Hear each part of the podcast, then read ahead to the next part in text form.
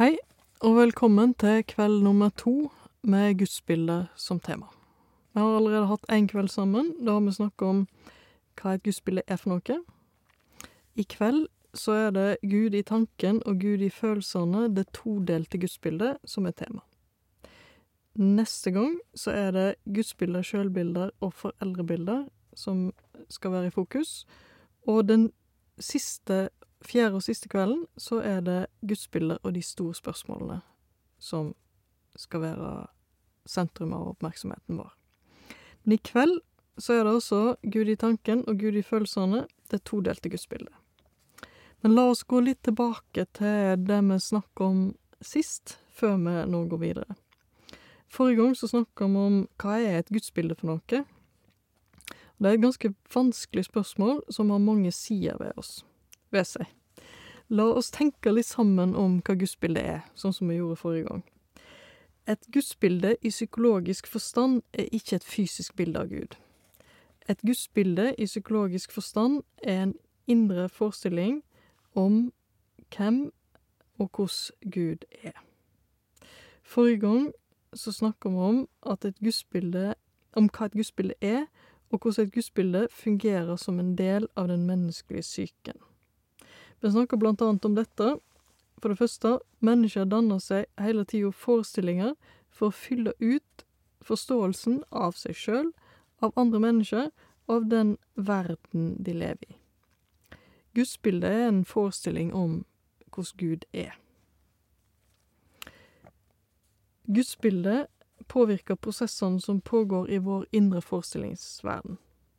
Gud får ei rolle i det indre teaterstykket som et menneske alltid utvikler og regisserer. Man har en indre teaterscene som eh, blir bygd opp av forestillingene våre om oss sjøl, om andre mennesker, om Gud.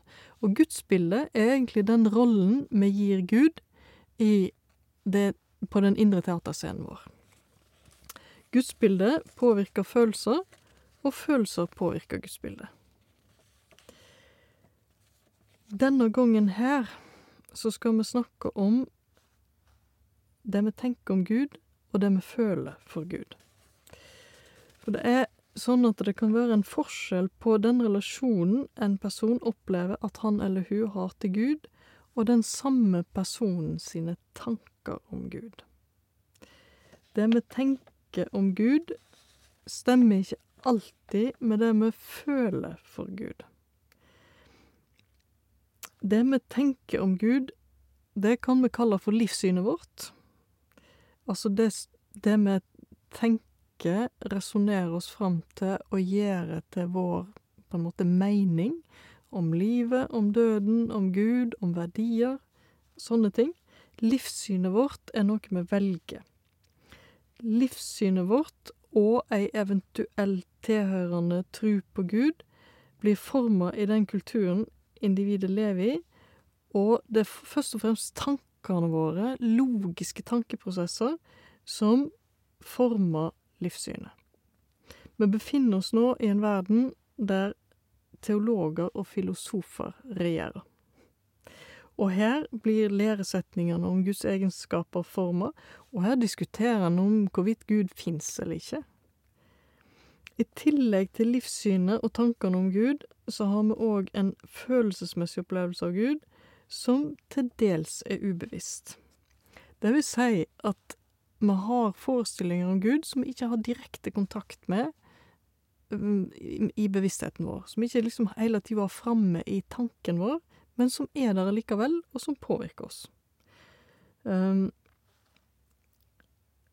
den følelsesmessige opplevelsen av Gud blir til fordi vi fyller ut bildet av Gud med det vi har erfart i relasjoner til mennesker. Og derfor så består gudsbildet av to deler. Logisk, tankebasert livssyn og den følelsesbaserte forestillingen om hvordan Gud er. Kort og litt forenkla kan du si at dette er tankens Gud og følelsene sin Gud. På samme måte som erfaringene som vi har gjort i relasjoner med mennesker, er ubevisste, er òg gudsrelasjonen delvis ubevisst. Altså, vi går rundt og tenker og føler og opplever ting som vi ikke helt har kontakt med røttene til. Vi har en ubevisst verden som vi er påvirka av. Vi har følelser som er knytta til ting i oss som er ubevisste. Um, og det vi tenker om Gud, det kan stå i sterk kontrast til det vi ubevisst føler for Gud. Og det skaper i så fall en forstyrrende konflikt i personen sin indre verden. Gudsbildet består da av deler som ikke stemmer overens med hverandre. Hvis tanken vi har om Gud, bryter med ubevisste følelser vi har for Gud, så vil det lede til psykisk smerte som Altså at vi har det vanskelig. Vi har ei uro i oss. Vi føler smerte, psykisk smerte. Og vi vet ikke hvor det kommer fra. Hva er dette for noe? Hva er, hva er det som skjer i meg?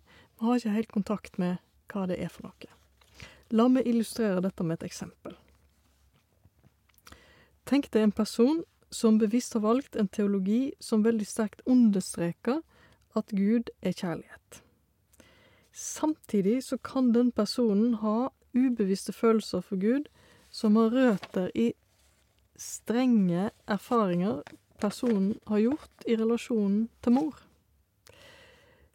Den bevisste tanken om en kjærlig Gud lever da i konflikt med ubevisste følelser som er retta mot strenge og avvisende sider ved Gud, som igjen har røttene sine i erfaringer som personen har gjort med mor. Den indre, ubevisste konflikten kan da lede til at individet ikke har en genuin opplevelse av at Gud er kjærlighet. Og det fører til at kanalen mellom tru og livserfaring er helt eller delvis stengt. Og det igjen vil medføre at en kan ha et livssyn, ei tru, som ikke får tilførsel av kraft og vitalitet fra følelser. Fordi følelsene inneholder jo en helt annen opplevelse av Gud enn den Gud som fins i tanken. Derfor så må følelse og tanke holdes på avstand fra hverandre, og dermed så får ikke livssynet tilførsel av vitalitet fra tankene, og livssynet må opprettholdes ved at en med å bruke vilje holder fast på en tanke om Gud. Men en får ikke noe støtte fra følelser som bygger opp under det, det gudsbildet, den forståelsen av Gud, som ligger i livssynet vårt. Eller som ligger i den, en sånn person sitt livssyn. Et viktig mål med psykoterapi vil da være å åpne opp forholdet mellom tro og følelser, Sånn at gudsrelasjonen kan bli synlig gjennom følelser, eh, og når følelsene for Gud gjør gudsrelasjonen synlig, så kan òg ulike elementer i gudsrelasjonen bli bearbeida og endra. For eksempel vår personer, som er opptatt av en kjærlig Gud, eh, vil kunne bearbeide de delene av gudsbildet som er relatert til mors strenghet. Han vil kunne legge den opplevelsen av strenghet tilbake i relasjonen til mor, og vil kunne åpne opp for å tenke og oppleve gudsrelasjonen annerledes. Eh, så eh, når vi slipper løs følelsene som er knytta til inni gudsrelasjonen, så vil det kunne gjøre at vi blir klar over at delene her ikke er forenlige. Igjen, vår person, hvis han åpner opp for følelsene, av strenghet og avvisning og krav som egentlig ligger i gudsbildet hans. Hvis han får tak i det, så vil han jo òg komme i kontakt med det uforenlige mellom, uforenligheten mellom delene i gudsbildet. Og eh, for at dette skal kunne skje, så er det jo nødvendig å utforske både tru og følelser. Og vi ser òg her et eksempel på eh, hvor sårbart det er å ta tru inn i terapirommet. Personen i eksempelet vårt bruker sannsynligvis mye krefter på å holde fast i forestillingen om at Gud er kjærlig, og å slippe følelsene til i gudsrelasjonen, og dermed åpne for ubevisste forestillinger om Gud, det kan lede til at bildet av en Gud som er kjærlighet, går tapt, i alle fall for ei stund. Vi har ikke kontroll på det som kan skje når vi begynner å utforske vår indre verden, og lar budskapet i følelsene få komme så fritt som vi tør å orker. Eh, men samtidig så vil det òg være en vei til at en som menneske får leve nærmere seg sjøl, og når en lever nærmere seg sjøl, så vil en òg kunne leve nærmere andre mennesker. Og når en lever nærmere seg sjøl og andre mennesker, så åpner det seg òg en kapasitet for å kunne leve nærmere Gud. Eh, for en kan tenke at gudsrelasjonen har òg de sidene ved seg at jo mer ekte den blir, jo mer sann den blir, jo mer nær og robust vil den òg bli. Neste gang vi møtes, så skal vi snakke mer om forholdet mellom gudsbilder og foreldrebilder. Denne gangen så skal vi konsentrere oss om forholdet mellom det vi tenker om Gud, og det vi føler for Gud. Og for at jeg skal kunne illustrere dette her litt bedre, for dette er jo ganske kompliserte ting, så skal jeg fortelle om et menneske som jeg har møtt. Jeg har fått lov å fortelle historien til ei av de som jeg har vært terapeut for. Og hennes historie gir et veldig godt bilde av forskjellen mellom det vi tenker om Gud, og det vi føler for Gud. Så først litt bakgrunnshistorie. Vi kaller henne for Elisabeth, men hun heter jo selvfølgelig noe annet. Elisabeth vokste opp i en menighet som var streng og på mange måter ganske lukka. Um, hennes oppvekst var prega av uh, en oppdragelse som er annerledes enn det som er vanlig i vår tid. Hun hadde det strengere hjemme enn de andre som gikk i klassen hennes, for eksempel. Um, hun opplevde derfor å være utenfor i relasjonene til sine jevngamle uh, mens hun vokste opp. Og den typen utenforskap, det, det var egentlig noe menigheten syntes var bra. De mente at du skulle ikke være for nær folk som ikke var med i menigheten. Og det å oppleve seg som utenfor, det var egentlig et tegn på at alt er i orden, at en ikke hadde gått for nærme det som er farlig og annerledes. Da jeg møtte Elisabeth, så var hun 27 år gammel. Uh, hun hadde vokst opp med at det ble stilt veldig store krav til henne. Alle relasjoner til voksne var preget av strenghet. Og hun følte veldig ofte at hun ikke nådde opp til kravene og idealene, som kom via foreldrene og via menigheten. Uh, hun hadde ingen, stor, ingen trygge plasser mens hun vokste opp. Uh, foreldrene brukte fysisk avstraffelse. Det var både en trussel og noe som skjedde i virkeligheten. Um, når hennes egen seksualitet begynte å våkne, så eh, visste hun ikke hva det var. Foreldrene hadde tatt henne ut av skolens seksualundervisning, og hun trodde det var noe veldig galt med henne, og hadde ikke kunnskap om det som skjedde med kroppen hennes. I menigheten så snakka de veldig mye om renhet, eh, og Elisabeth var forvirra og uten kunnskap om seg sjøl og sin egen kropp, og hun følte seg veldig skitten. Hun hadde gjennom hele oppveksten håpa på at den kjærlige guden som hun fikk høre om i menigheten, skulle se henne og sørge for henne. Hun strakk seg lenger og lenger og lenger for å oppfylle krav og forventninger, men samtidig så var det en del av kravene fra foreldre, menighet og Gud som var umulig å oppfylle. Så Elisabeth gikk rundt med en veldig djup redsel for å bli forkasta og utstøtt, samtidig som hun strakk seg lenger og lenger for å kunne leve det livet som hun fikk lære i menigheten at var godt og riktig. Denne situasjonen med et stort indre press og en opplevelse av å ikke nå opp, eh, leda etter hvert til at Elisabeth ble utslitt, utmatta og nedstemt. Og etter hvert så orka hun ikke å gå på jobb, hun ble sykemeldt og begynte å gå i terapi, og etter hvert så ble hun søkt til Modebad Bad og innlagt på hviteavdelingen med en veldig djup depresjon. I løpet av et opphold på hviteavdelingen så går alle pasienter i bildeterapi. I bildeterapien så maler de opplevelsen sin av seg sjøl, mor, far og Gud. De bruker farger, symboler, eh, for å gi uttrykk for koss relasjonen de har til seg sjøl, oppleves, koss relasjonen til mor og far oppleves, og koss relasjonen til Gud oppleves. Um, og på den måten så kan en få kontakt med denne forskjellen mellom Gud i tanken og Gud i følelsene. Og i tillegg så kan de bildene som blir malt i bildeterapien, bli ei viktig hjelp til å forstå sammenhenger mellom gudsbilder, foreldrebilder og sjølbilder. Elisabeth kommer til å være med òg den tredje kvelden vi skal ha sammen, og da kommer vi til å sette søkelyset på forholdet mellom gudsbilder, sjølbilder og foreldrebilder, men akkurat nå så skal vi se nærmere på denne forskjellen mellom det Elisabeth tenkte om Gud, og det hun følte for Gud. Elisabeth malte tre gudsbilder i løpet av oppholdet sitt på Vita. Det første gudsbildet hennes, det var henta fra tankene hennes.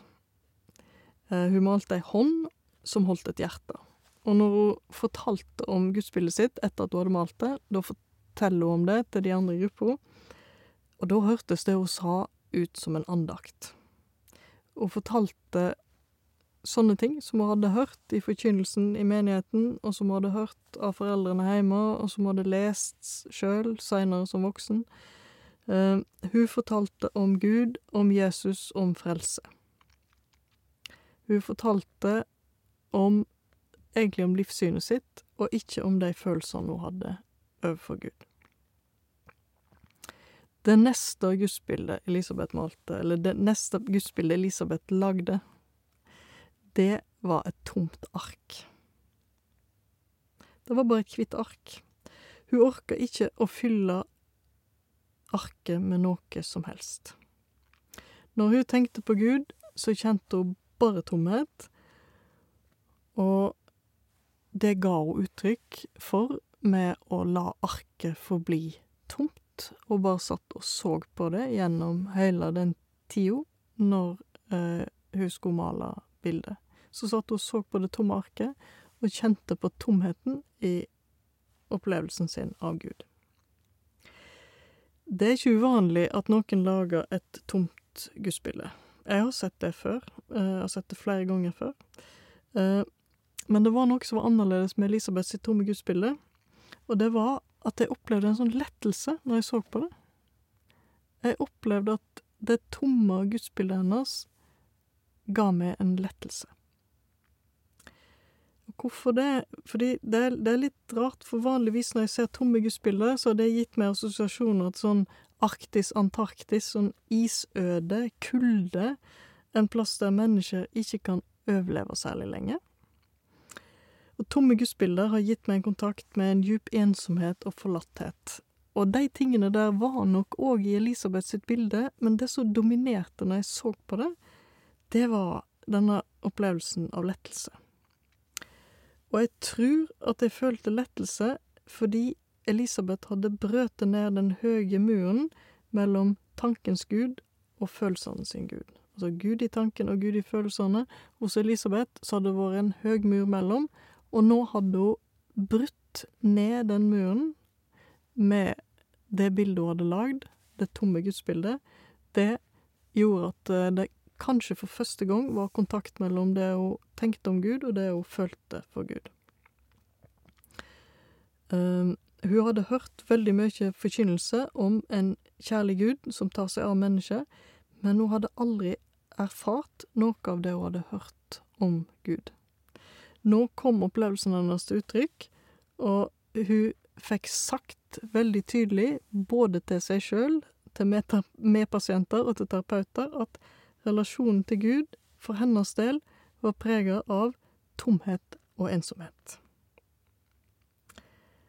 Uh, og det opplevdes befriende for meg som terapeut å se at nå kunne Elisabeth snakke om Gud akkurat sånn som Gud opplevdes, og jeg tror Elisabeth sjøl òg opplevde at det var en lettelse. Sjøl om hun òg ble veldig redd av det, fordi eh, det kan være veldig uvant å bare gi uttrykk for de følelsene en har overfor Gud, som en jo ikke alltid er helt kjent med, og når de følelsene kommer, og de får komme til uttrykk, så kan en bli overraska, nedstemt, trist. I mange tilfeller så er det jo vonde følelser som en har holdt på avstand, ved å prøve å tenke de vekk gjennom å lage et bilde av Gud, eller en forståelse av Gud, med tanken, som er annerledes enn den forståelsen som ligger i følelsene. Elisabeth sitt tredje gudsbilde, det skal få bli med til neste gang vi treffes. Fokus for denne kvelden her har vært et viktig spørsmål.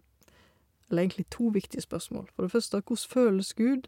Eller enda tydeligere, hvordan føles Gud hvis jeg bare lar følelsene få komme så fritt som jeg tør? Disse tingene her skal vi plukke fram igjen neste gang vi møtes, og da skal vi se på sammenhengen mellom sjølbildet og foreldrebildet. Men før vi avslutter, la oss bare oppsummere hva har vi lært om gudsbildet nå?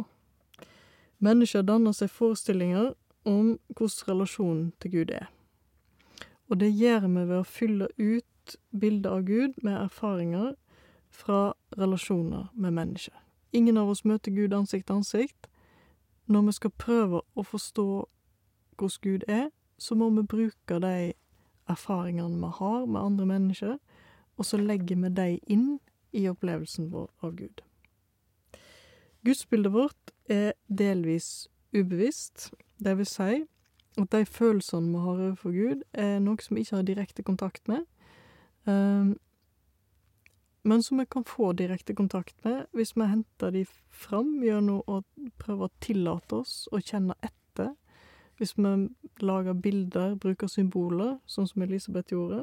Men vi kan òg få kontakt med gudsbildet vårt gjennom å se nærmere på sjølbildet vårt, og se nærmere på bildene vi har, eller forestillingene vi har om foreldre eller andre tidlige omsorgspersoner. Og det, hvordan det kan foregå, det skal vi se nøye på neste gang. Den tredje og viktigste tingen som vi har snakket om i kveld, er at det kan være stor forskjell på det en tenker om Gud, og det en føler for Gud. Og hvis det er veldig stor forskjell der, så blir det vanskelig å være menneske, og da trenger en kanskje på en eller annen måte å bli bedre kjent med det en føler for Gud, sånn at tanke og følelser for Gud kan leve sammen på en bedre måte. Takk for nå.